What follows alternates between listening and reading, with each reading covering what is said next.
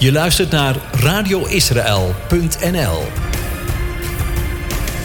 Welkom onder de vijgenboom. Leer je Bijbel lezen vanuit de Joodse achtergrond en tradities. Leer Jezus kennen als de Joodse Messias.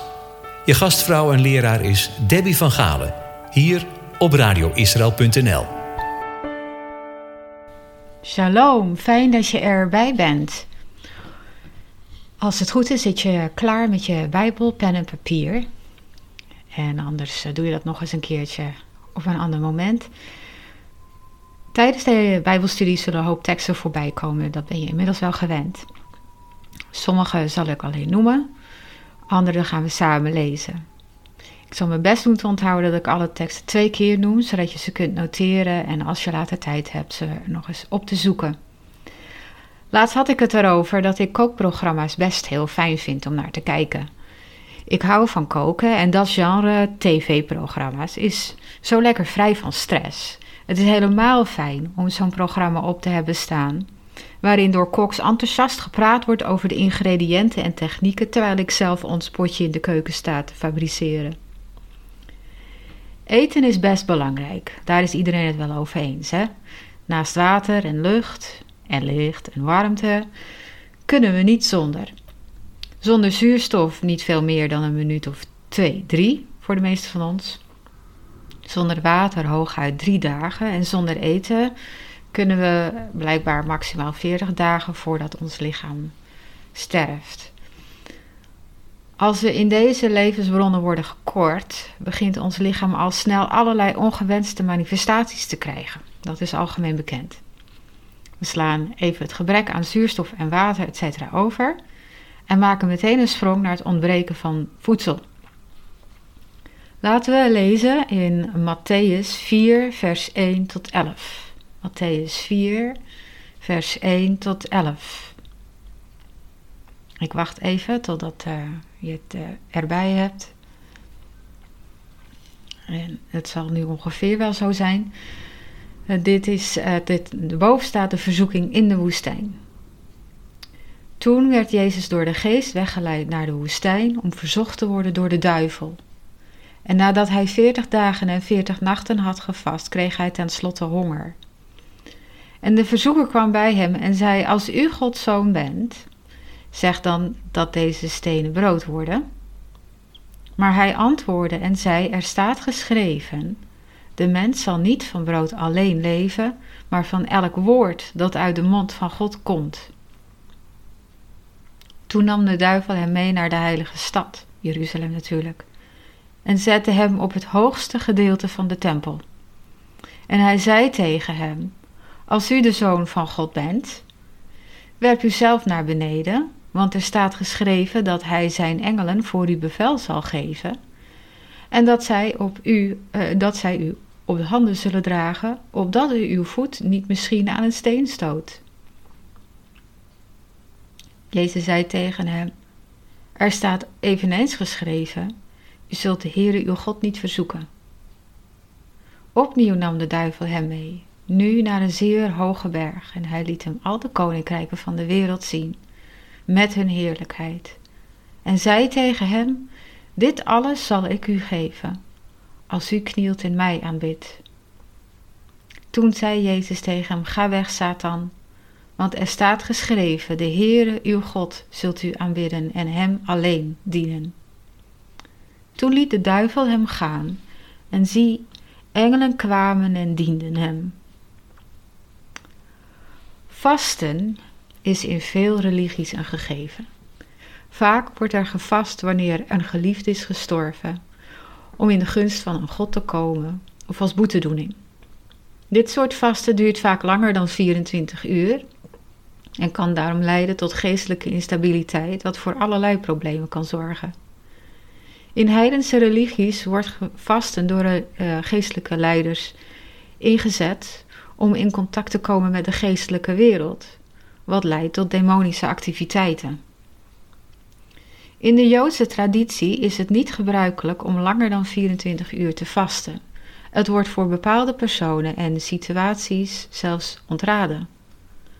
Om die reden zien we Daniel bijvoorbeeld zich een vorm van langdurig vasten opleggen, drie weken, die hem slechts groente, fruit en water toestaat.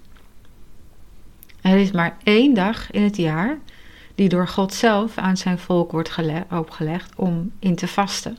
Dat is Yom Kippur, oftewel de grote verzoendag. Verder zijn er nog 24 vastendagen in het Jodendom, maar die zijn door de rabbijnen besloten. Geen van deze vastendagen duurt langer dan een dag, te beginnen bij zonsondergang en eindigend als de eerste drie sterren de volgende avond in de hemel staan. Vasten bestaat in het algemeen tot totale onthouding van eten en drinken. Allerlei andere vormen van zelfzorg, zoals jezelf wassen, etc., zijn wel toegestaan, wordt zelfs aangeraden. Alleen op de grote verzoendag, Yom Kippur, en de negende dag van de maand Av, wanneer de vernietiging van beide tempels op die datum wordt herdacht, wordt er verwacht van je dat je je niet wast.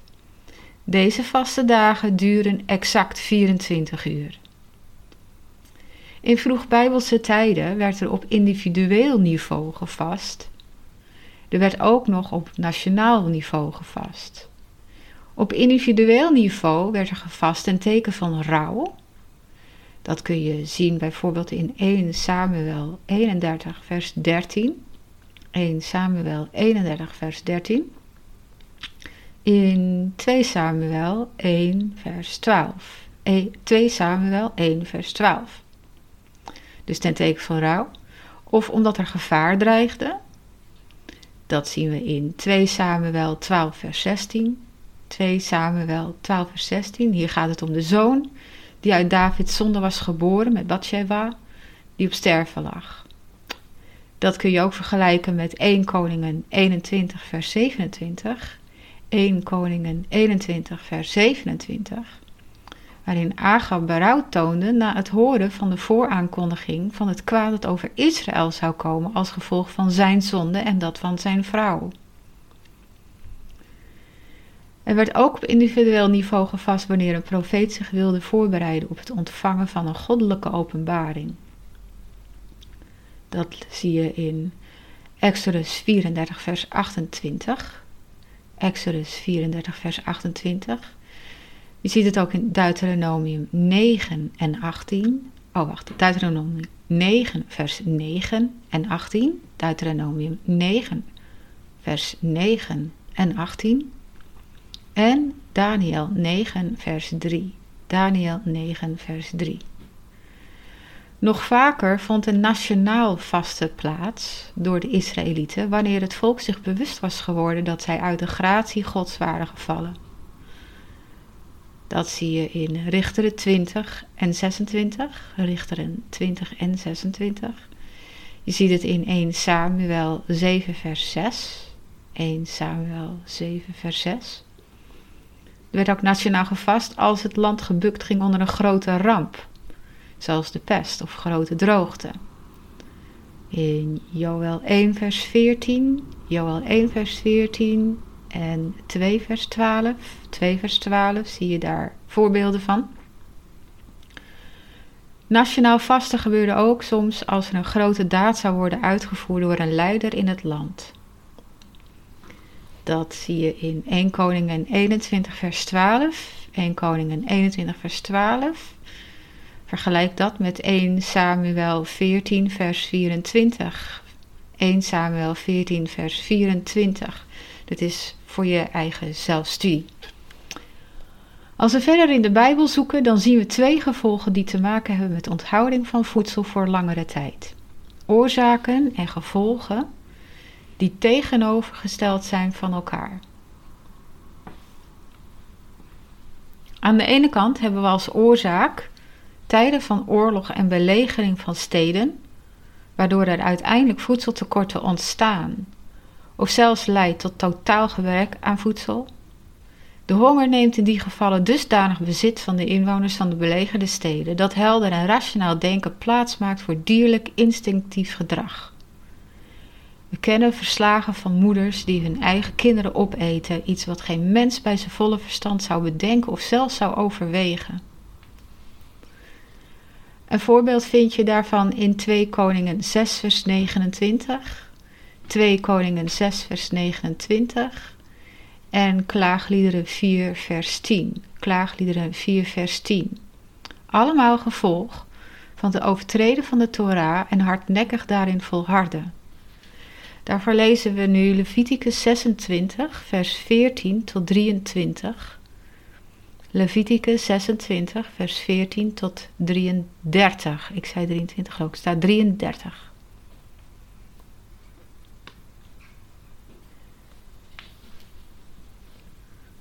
Daar staat, maar als u niet naar mij luistert en al deze geboden niet doet, als u mijn verordeningen verwerpt en als uw ziel van mijn bepalingen walgt, zodat u geen enkele van mijn geboden doet door mijn verbond te verbreken, dan zal ik zelf dit met u doen.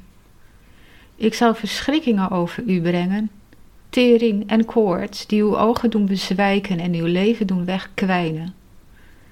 U zult uw zaad voor niet zaaien, want uw vijanden zullen het opeten. Ik zal mijn aangezicht tegen u keren, zodat u door uw vijanden verslagen wordt. Zij die u haten zullen over u heersen. U zult op de vlucht slaan terwijl niemand u achtervolgt. En als u dan ondanks dit alles nog niet naar mij luistert, nou ja, ondanks, niet naar mij luistert, dan zal ik u vanwege uw zonde zeven zeven keer erger straffen. Ik zal de trots op uw kracht breken. Ik zal uw hemel als ijzer maken en uw aarde als brons. Uw kracht zal voor niets verbruikt worden, uw land geeft zijn opbrengst niet en de bomen op het land geven hun vruchten niet. Als u dan tegen mij blijft ingaan en niet naar mij wil luisteren, dan zal ik u overeenkomstig uw zonden zeven keer harder slaan. Ik zal de dieren van het veld op u afsturen, en die zullen u van uw kinderen beroven, uw vee, uw vee uitroeien, en u verminderen dat uw wegen er verlaten bij liggen. En als u zich hierdoor nog niet laat bestraffen en tegen mij blijft ingaan, dan zal ik zelf ook tegen u ingaan. En zal ik zelf u vanwege uw zonde ook zeven keer harder slaan. Dan breng ik het, kwaad, het zwaard over u, dat de wraak van het verbond voltrekt. Wanneer u zich dan in uw steden verzamelt, zal ik de pest in uw midden sturen. U zult in de hand van de vijand overgegeven worden. Wanneer ik het aan, u aan brood laat ontbreken, dan zullen tien vrouwen uw brood in één oven bakken en zij zullen uw brood in afgewegen hoeveelheden moeten teruggeven. U zult eten, maar niet verzadigd worden. Als u dan hierom nog steeds niet naar mij luistert en u tegen mij blijft ingaan, nou de knappe die dat doet, maar het is gebeurd, dan zal ik met grimmigheid, woede, tegen u ingaan. En zal ik u zelf vanwege uw zonden ook zeven keer erger straffen. Nu komt het. U zult dan het vlees van uw eigen zonen eten en het vlees van uw eigen dochter zult u eten. Ik zal uw offerhoogte wegvagen en uw wierookaltaren uitroeien. Ik zal uw dode lichaam op de dode lichamen van uw stinkgoden werpen en mijn ziel zal van u walgen. Ik zal van uw steden een puinhoop maken, uw heiligdommen verwoesten. Ik zal de aangename geur van uw offers niet ruiken. Ik zal zelf het land verwoesten, zodat uw vijanden die daarin zijn gaan wonen zich er, erover zullen ontzetten. Ik zal u dan onder de heidevolken verstrooien en ik zal achter u een zwaard trekken. Uw land zal een woestenij worden en uw steden een puinhoop. Tamelijk heftig. Je ziet dat er een gradatie van hardnekkigheid in het overtreden van Gods geboden bestaat. Dat had hij al voorzien. En daarmee nemen de straffen in intensiteit toe. naarmate de eerdere straffen geen inkeer, berouw en bekering hebben bewerkstelligd. En dat het idee dat moeders hun kinderen zouden eten, tot een van de uiterste straffen behoort. Waarom? Omdat de mens zonder onderwerping aan God leeft en redeneert op het niveau dat bij dieren past. Wat totaal in strijd is met het doel dat God heeft voor de mens. Als dat het niveau is waarop de mens wil bestaan, dan zal de mens daarvoor ook de consequenties dragen die daarbij horen. Aan de andere kant hebben we ook oorzaken voor vasten ten goede. In slechts drie gevallen lezen we in de geschriften van een 40 dagen vaste periode dat geen verlies van faculteiten bewerkte, dat zelfs leidde tot eer van God. De eerste, we lezen over Mozes, die op de berg Horeb 40 dagen bij God was, zonder aards voedsel. En hij bracht de tien woorden op de twee stenen tafelen met zich mee. Toch faalde Mozes aan het einde van zijn bediening. Hij werd in verleiding gebracht door zijn oude vijand, woede. Daar in de woestijn sprak hij niet tegen de rots, zoals de Heer hem had gestraft, maar sloeg het om water te krijgen. Hij werd er zwaar voor gestraft. Hij zou het beloofde land zelf niet ingaan, maar het slechts van een afstand zien. We lezen ook over Elia die veertig dagen vastte, terend op het voedsel en drinken dat hem door een engel werd gegeven in de woestijn, op weg naar de berg Horeb. Daar toonde de Heere zichzelf aan hem. Dat God dus voor Mozes, maar het geldt ook voor Elia. Toch had Elia vlak daarvoor, halverwege zijn bediening, ook gefaald, toen wanhoop zich meester van hem had gemaakt daar in de woestijn. Het is geen toeval dat deze twee op de berg Hermon, weer een berg, samen met Jezus werden gezien door de discipelen toen hij voor het oog van deze drie meest geliefde discipelen verheerlijkt werd. We kennen nog een hooggeachte mens in de Bijbel, trouwens, die in de nabijheid van de Heer op de berg Horeb was. Dat was Paulus. Dat was geen veertig dagen vasten. Hij spendeerde de eerste drie jaar na zijn bekering in Arabië op de plaats van deze berg Horeb. Daar was hij, omdat het, zoals er staat, God behaagde zijn zoon in hem te openbaren, opdat hij het evangelie onder de heidenen zou verkondigen. De berg Horeb is duidelijk heel belangrijk. Maar zelfs Paulus werd het niet gegeven om het veertig dagen zonder voedsel te doen, hoewel hij wel zeer bijzonder werd ontmoet door de Here. Deze beide keren, van Mozes en Elia, waarin iemand dus een veertig dagen vaste periode wist te overleven en nog volledig de controle over zijn lichamelijke en psychische functies beschikte, zijn de mannen die in de heerlijkheid van Yud-He-Vav-He Elohim verkeerden samen met Jezus. De enige twee. De laatste die zo'n langdurig vasten met glans doorstond, was Jezus zelf. Laten we het verslag van Matthäus nog eens lezen. Matthäus 4, vers 1 tot 11. Matthäus 4, vers 1 tot 11. Toen werd Jezus door de geest weggeleid door naar de woestijn om verzocht te worden door de duivel. En nadat hij veertig dagen en veertig nachten had gevast, kreeg hij tenslotte honger. En de verzoeker kwam bij hem en zei, als u Gods zoon bent, zeg dan dat deze stenen brood worden. Maar hij antwoordde en zei, er staat geschreven, de mens zal niet van brood alleen leven, maar van elk woord dat uit de mond van God komt. Toen nam de duivel hem mee naar de heilige stad, Jeruzalem, en zette hem op het hoogste gedeelte van de tempel.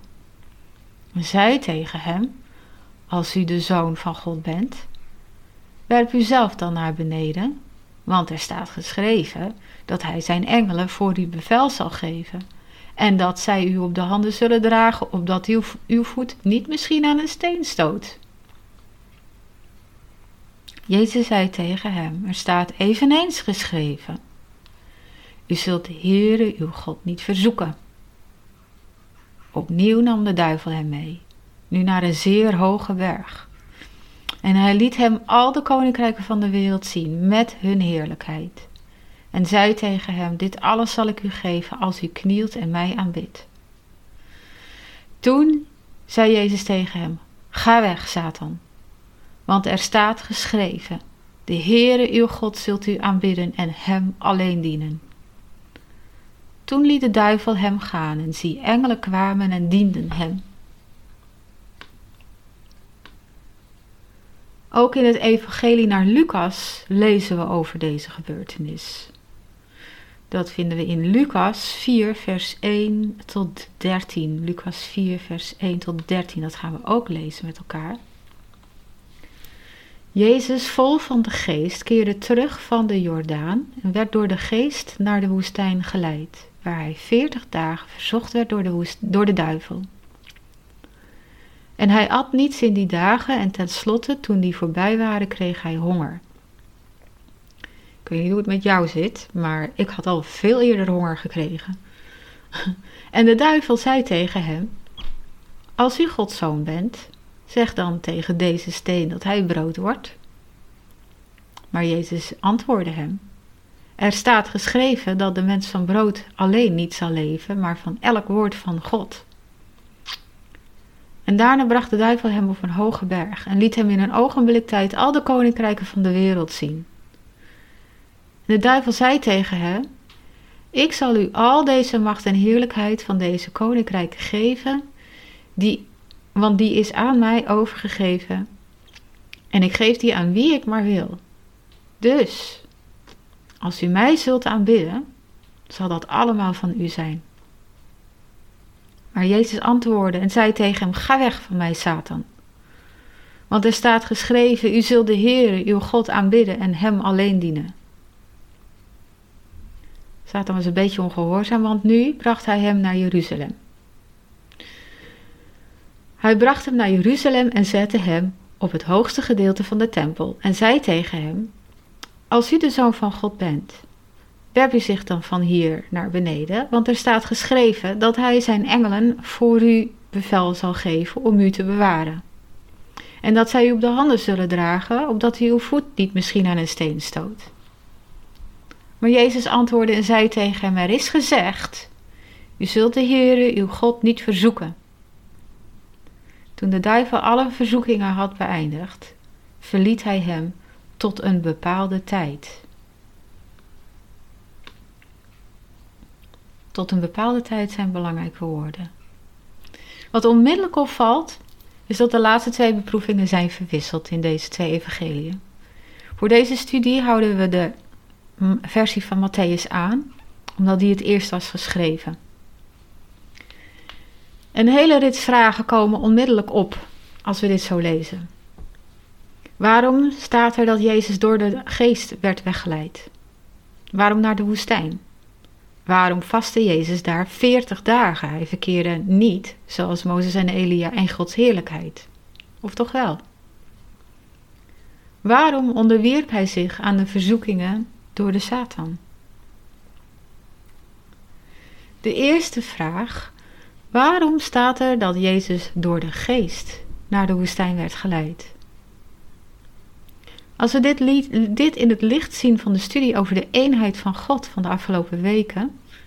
En we gaan even een paar versen terug naar Matthäus 3, vers 13 tot 16.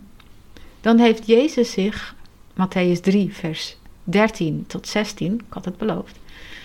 Dan heeft Jezus zich pas ervoor onder toeziend oog van Johannes de Doper ondergedompeld in de Jordaan dit deed hij als eerste daad van de vele die zouden volgen ter vervulling van de Torah. Hij nam een mikve, een ritueel bad met levend, dat wil zeggen stromend water, ten teken van het begin van zijn bediening hier op aarde.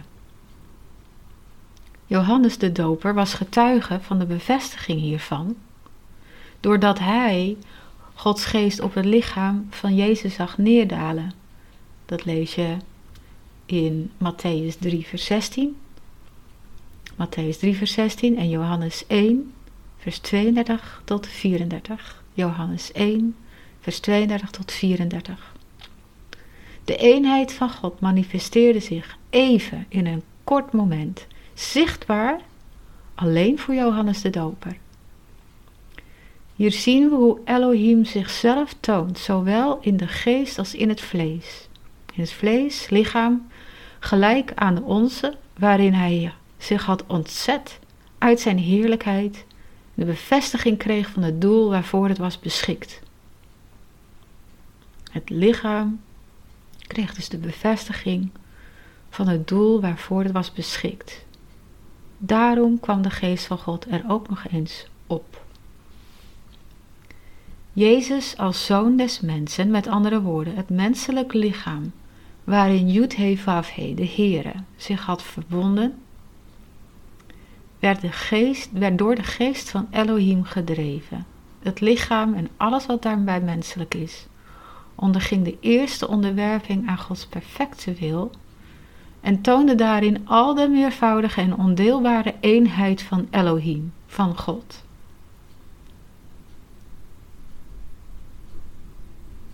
Is de timing nog van betekenis? Ja, en daar komen we vanzelf op, terwijl we ook naar de vragen kijken: waarom naar de woestijn? Waarom 40 dagen vasten en waarom de verzoekingen door de Satan? Zoals we al hebben vastgesteld, is een periode van 40 dagen vasten normaliter een onmogelijkheid voor de mens om die te doorstaan met alle vermogens nog intact aan het einde ervan. Een vaste periode in de woestijn maakt dat nog veel zwaarder. Zelf heb ik zes jaar in de High Desert in Zuid-Californië gewoond. Voor de eerste jaren, vooral de eerste jaren, waren heel zwaar. Gewend als ik was aan al het water en natuurlijke groen om me heen hier in Nederland, waar tussen ik was opgegroeid.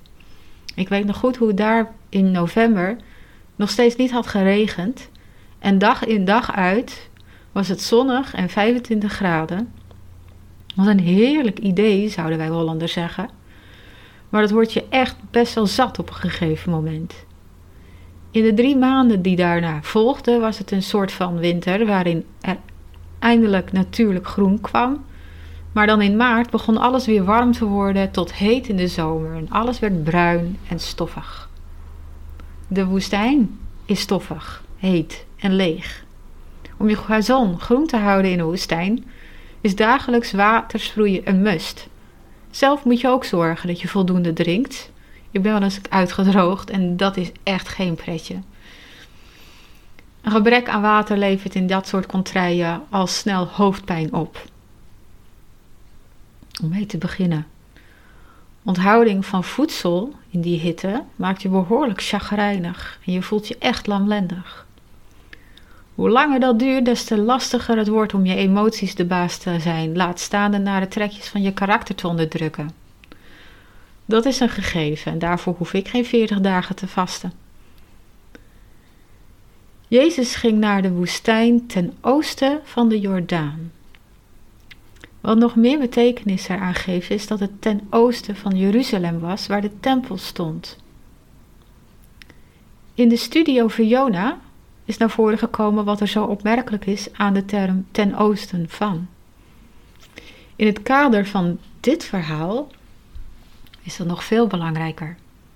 We zien overeenkomsten met hoe het Adam en Eva verging in Genesis 3.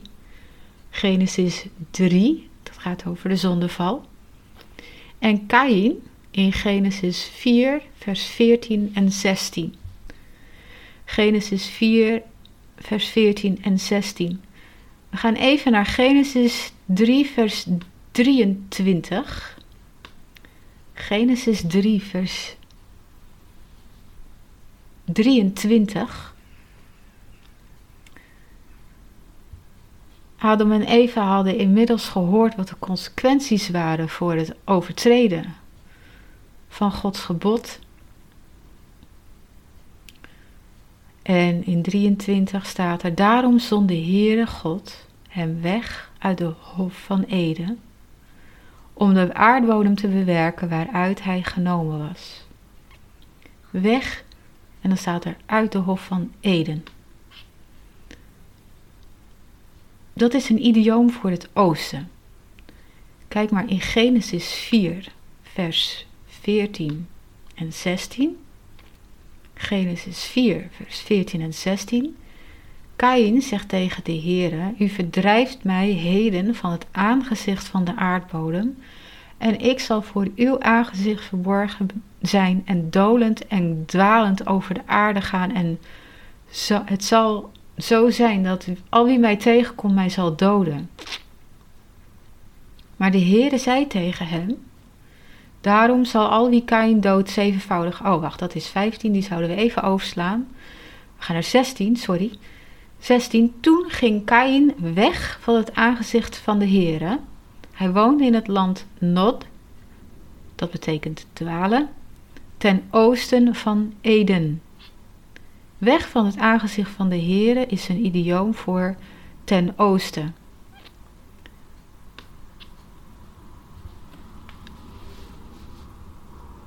Als we dus lezen dat de Heere God Adam en Eva uit de hof van Eden wegzond, lezen we ook dat de Heere God Cherubim ten oosten van de hof plaatst.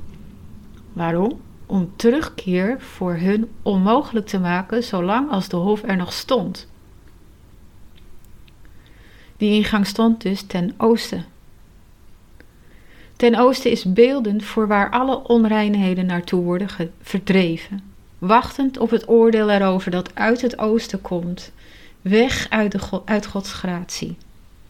In Exodus 10, vers 13, Exodus 10, vers 13 bijvoorbeeld, lezen we dat de Heere tegen Mozes zegt dat hij een oostenwind zal zenden om de sprinkhanenplaag over Egypte te brengen, omdat de farao weigerde in te stemmen met Mozes en Aarons verzoek. In Leviticus 10, vers 4, Leviticus 10, vers 4 lezen we over de twee zonen van Aaron, die vreemd vuur voor God brachten, die hen direct doden. God doodde hen dus direct. Dit was in de tent van de ontmoeting, waarvan de deuropening gericht was op het oosten. De lichamen van de beide zonen werden linea recta uit het heiligdom en dan staat er buiten het kamp gebracht, zoals Adam en Eva buiten de hof werden gezet en zoals Kain ging wonen in het land not ten oosten van het land van Eden, in de wildernis. Ten oosten is uit de gratie van God, El, vallen. Zowel de ingang van de tabernakel als van de tempels waren geplaatst aan de oostkant, keken dus uit naar het oosten. En Mozes en Aaron met hun families woonden aan de oostkant van de tabernakel vanwege het feit dat zij in dienst stonden van de Heere God. Ze kregen dus een plaats van nederigheid toegewezen, heel duidelijk. Er was dus ook een duidelijke reden waarom Jezus aan de oostkant van de Jordaan was gedoopt. En ook waarom hij daarna terugkeerde naar de woestijn ten oosten ging om de beproevingen te ondergaan en niet naar de Negev bijvoorbeeld in het zuiden. Daar waar de eerste Adam buiten de hof werd gezet vanwege de zonde waar hij zich aan had schuldig gemaakt, zou de tweede Adam, de Heere uit de hemel, zoals er staat in 1 Korinthe 15 vers 21, 45 en 47, 1 Korinthe 15 vers 21, 45 en 47, zou de tweede Adam, de Heere uit de hemel, nu zichzelf aan de beproeving onderwerpen, om de verzoeking die de eerste Adam in het aardse lichaam niet kon doorstaan en heeft kunnen doorstaan, te repareren. Laten we lezen Romeinen 5, vers 12 tot 21. Romeinen 5, vers 12 tot 21.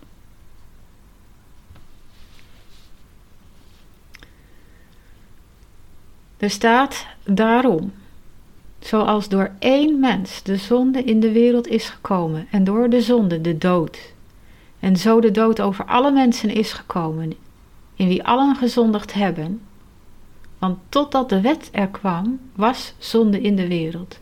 Zonde werd echter niet toegerekend als er geen wordt, echter niet toegerekend als er geen wet is. Toch heeft dood geregeerd van Adam tot Mozes toe ook over hen die niet gezondigd hadden, met eenzelfde overtreding als Adam, die een voorbeeld is, of eigenlijk een voorschaduw is, van hem die komen zou. En het is met de genadegaving niet zoals met de overtreding. Want als de overtreding van de ene, want als door de overtreding van de ene velen gestorven zijn, veel meer is de genade van God en de gave door de genade die er is door die ene mens, Jezus Christus, overvloedig geweest voor velen. En de gave is niet zoals het was door die ene die zondigde.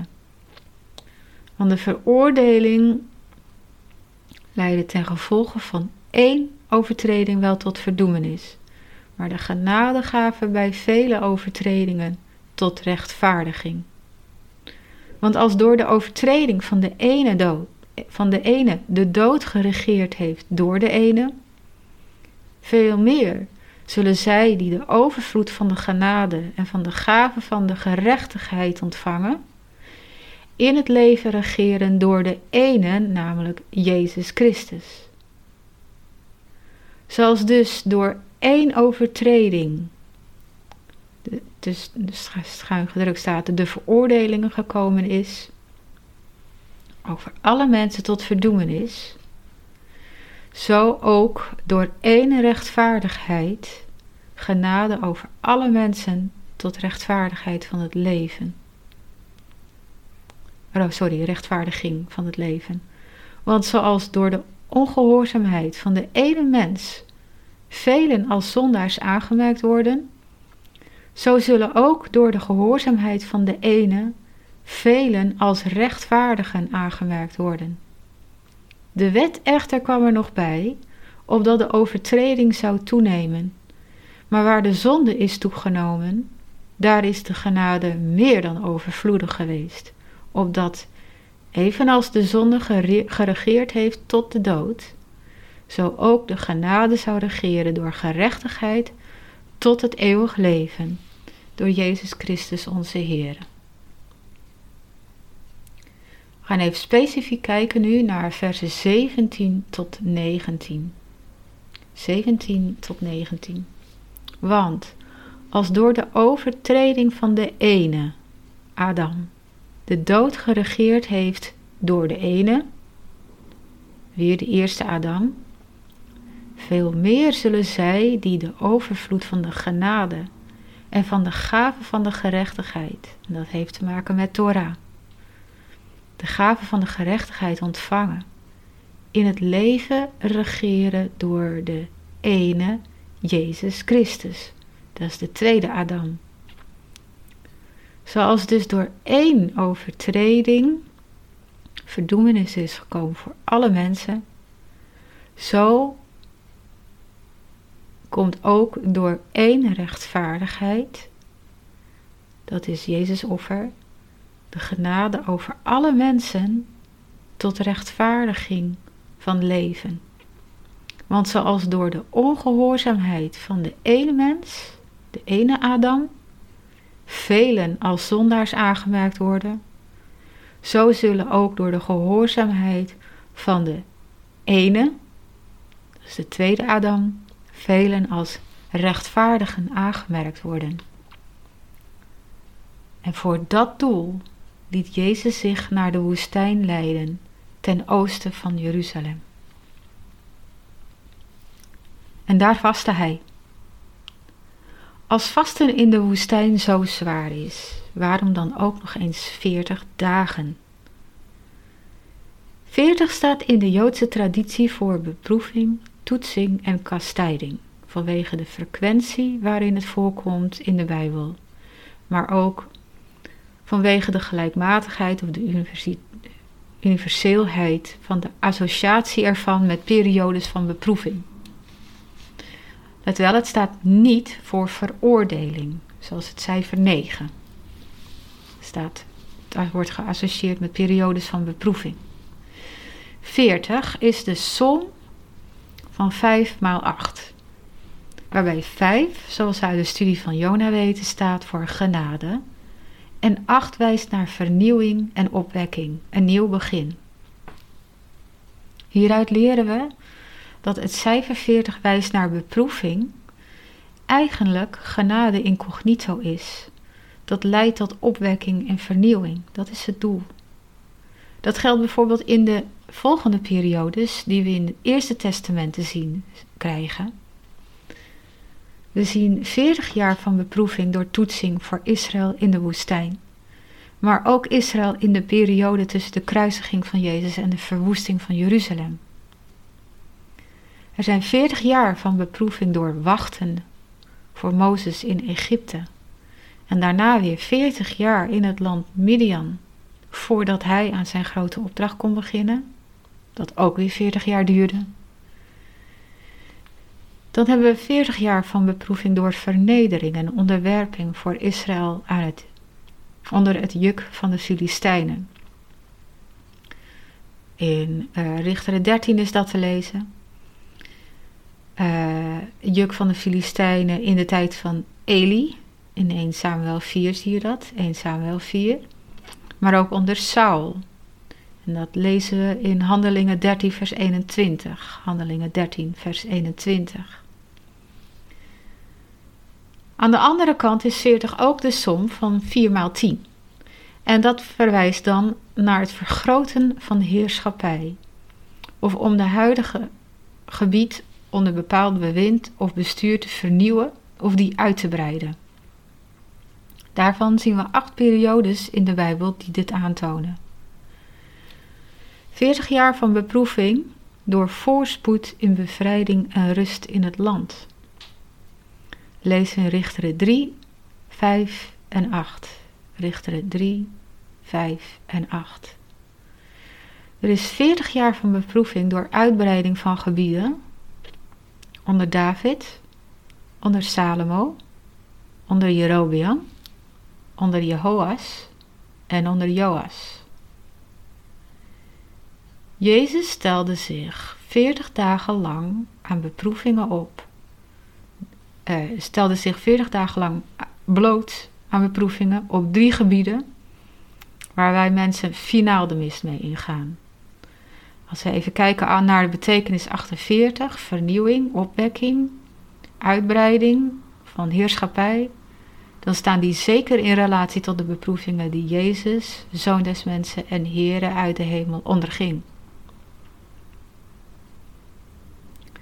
Feitelijk zien we hier een krachtmeting tussen de Satan, de prins van de wereldmachten, en de koning van het heelal plaatsvinden. De verleiding door middel van de beproevingen om de kortste route naar verheerlijking te nemen was fenomenaal sterk in Psalm 17, vers 5. Psalm 17, vers 5 staat: Ik hield mijn schreden in uw sporen, zodat mijn voetstappen niet zouden wankelen. En in Psalm 23, vers 3. Psalm 23, vers 3. Hij verkwikt mijn ziel. Hij leidt mij in het spoor van de gerechtigheid omwille van zijn naam. Door zich te bevinden in de woestijn ten oosten en veertig dagen te vasten, maakte Jezus het mogelijk om zichzelf aan Satan te presenteren om dit duel aan te gaan, voordat hij de opdracht waarvoor hij op aarde was gekomen kon uitvoeren. Het is noodzakelijk, kennelijk, dat er een periode van lijden voorafgaat aan het aanvaarden van Gods opdracht. Denk maar aan Abraham, Jozef, Mozes, David. Allen hebben een lange tijd van lijden en wachten moeten ondergaan, voordat ze er klaar voor waren om de vervulling van hun roeping te zien voltrekken in hun leven. En niet allemaal slaagden ze voor alle beproevingen die in die tussentijd kwamen, maar er was in alle gevallen des te meer genade vanwege hun geloof. En zo geldt dat ook voor ons. De beproevingen die Jezus, geest in mens, zou doorstaan in de woestijn, was bovenmenselijk zwaar. En door die te ondergaan en te doorstaan, wist de Satan dat hij werkelijk met de koning van het heelal en de ware Messias, die Adam en Eva in Genesis 3, vers 15 was beloofd. Wist hij dat hij werkelijk met hem te maken had en dat hij zijn meerdere had gevonden, dat zijn tijd eindig is. Halleluja. We lezen nog een keer Matthäus 4, vers 1 tot 11. En daarna gaan we stuk voor stuk door deze tekst heen. Matthäus 4, vers 1 tot 11. Toen werd Jezus door de woestijn weggeleid naar de woestijn. Oh, sorry. Toen werd Jezus door de geest weggeleid naar de woestijn om verzocht te worden door de duivel. En nadat hij veertig dagen en veertig nachten had gevast, kreeg hij tenslotte honger. En de verzoeker kwam bij hem en zei: Als u Gods zoon bent, zeg dan, zeg dan dat deze stenen brood worden. En hij antwoordde en zei: Er staat geschreven: De mens zal niet van brood alleen leven, maar van elk woord dat uit de mond van God komt. Toen nam de duivel hem mee naar de heilige stad en zette hem op het hoogste gedeelte van de tempel. En hij zei tegen hem: Als u de zoon van God bent, werp uzelf dan naar beneden, want er staat geschreven dat hij zijn engelen voor u bevel zal geven en dat zij u op de handen zullen dragen, opdat u uw voet niet misschien aan een steen stoot. Jezus zei tegen hem: Er staat eveneens geschreven: U zult de Heere uw God niet verzoeken. Opnieuw nam de duivel hem mee, nu naar een zeer hoge berg, en hij liet hem al de koninkrijken van de wereld zien met hun heerlijkheid, en zei tegen hem: Dit alles zal ik u geven, als u knielt en mij aanbidt. Toen zei Jezus tegen hem: Ga weg, Satan, want er staat geschreven: De Heere uw God zult u aanbidden en hem alleen dienen. Toen liet de duivel hem gaan, en zie, engelen kwamen en dienden hem. In versen 3 en 4 lezen we de eerste beproeving. Dat was een mentale verzoeking. Beproeving door mentale verzoeking, frustratie en wanhoop, door de vleeselijke verleiding, honger in dit geval. Jezus' antwoord was volkomen. Hij ging niet in discussie, hij overwoog niets, maar hij citeerde Torah, Deuteronomium 8, vers 3. Deuteronomium 8, vers 3. Versen 5 tot 7 de beproeving was de verleiding om zich alvast te presenteren als Messias koning. Waarom wachten? Waarom die lange weg afleggen als het nu ook kan? Gewoon het lijden dat Jezus, de Zoon van God, te wachten staat, omzeilen. Hoe verleidelijk om de verlangverwachte Joodse droom van de Messias koning, verleiding zich als zodanig te presenteren, direct uit te laten komen voor zijn volk. De Satan hoopte daarmee de profetie in Genesis 3, vers 15 eens en voor altijd onvervulbaar te maken. Jezus' weerwoord was volkomen. Hij ging niet in discussie, hij veroverwoog niets, maar hij citeerde Torah. Deuteronomium 6, vers 16. Deuteronomium 6, vers 16. In de versen 8 tot 10, de derde beproeving, was de verleiding om wereldheerser te worden alle wereldse macht, glorie en heerlijkheid van alle eeuwen en alle koninkrijken te ontvangen. De Satan hield geen rekening met het feit dat Jezus, de Heere uit de hemel, precies wist welke glorie en heerlijkheid, macht en kracht de zijne was. Zijn kennis en herinnering daaraan liet al deze wereldse heerlijkheid daarbij meer dan verbleken, het liet het vergrauwen. Jezus' missie hier op aarde is het brengen van Gods koninkrijk op aarde, niet om de wereldse koninkrijken te bevestigen. Dus Jezus' weerwoord was weer volkomen. Hij ging niet in discussie, hij overwoog niets, maar hij citeerde Torah. Deuteronomium 6, vers 13, Deuteronomium 6, vers 13 en Deuteronomium 10, vers 20. Deuteronomium 10, vers 20. Alleen absolute onderwerping aan de wil van Elohim maakte Jezus overwinning op de verzoekingen van Satan, zowel in het vlees, mentaal als lusten, volkomen, perfect. Hij vervulde daarmee Gods woord en wil, de Torah, volkomen. De volgende keer zullen we verder gaan hier op deze studie. En ook zien hoe we dat zelf in ons eigen leven kunnen zien en herkennen. Hiermee sluiten we deze Bijbelstudie voor vandaag af. Heb je vragen of wil je een reactie geven op de studie van vandaag en wil je daarmee een respons op? Volgende week zal dit uur daaraan gewijd zijn. Vul het reactieformulier op onze website in of ga naar Facebook, laat daar je reactie achter en doe gewoon lekker je best erop als je dat uh, leuk vindt. Vragen of reacties die tot woensdag zijn achtergelaten zullen aan bod komen tijdens de uitzending. Ik hoop van je te horen, ik zou het echt leuk vinden. Hartelijk dank voor het luisteren. Ik heet Debbie van Galen en je hebt geluisterd naar Onder de Vijgenboom, het Bijbelstudieprogramma van radioisrael.nl. Belangrijk om te onthouden, vanaf 1 januari zal voortaan iedere maandagavond om 8 uur een nieuwe aflevering van Onder de Vijgenboom te horen zijn. Dus voortaan vanaf 1 januari, maandagavond, 8 uur s avonds, een nieuwe aflevering van Onder de Vijgenboom. God zegen en vrede voor jou en lied rood.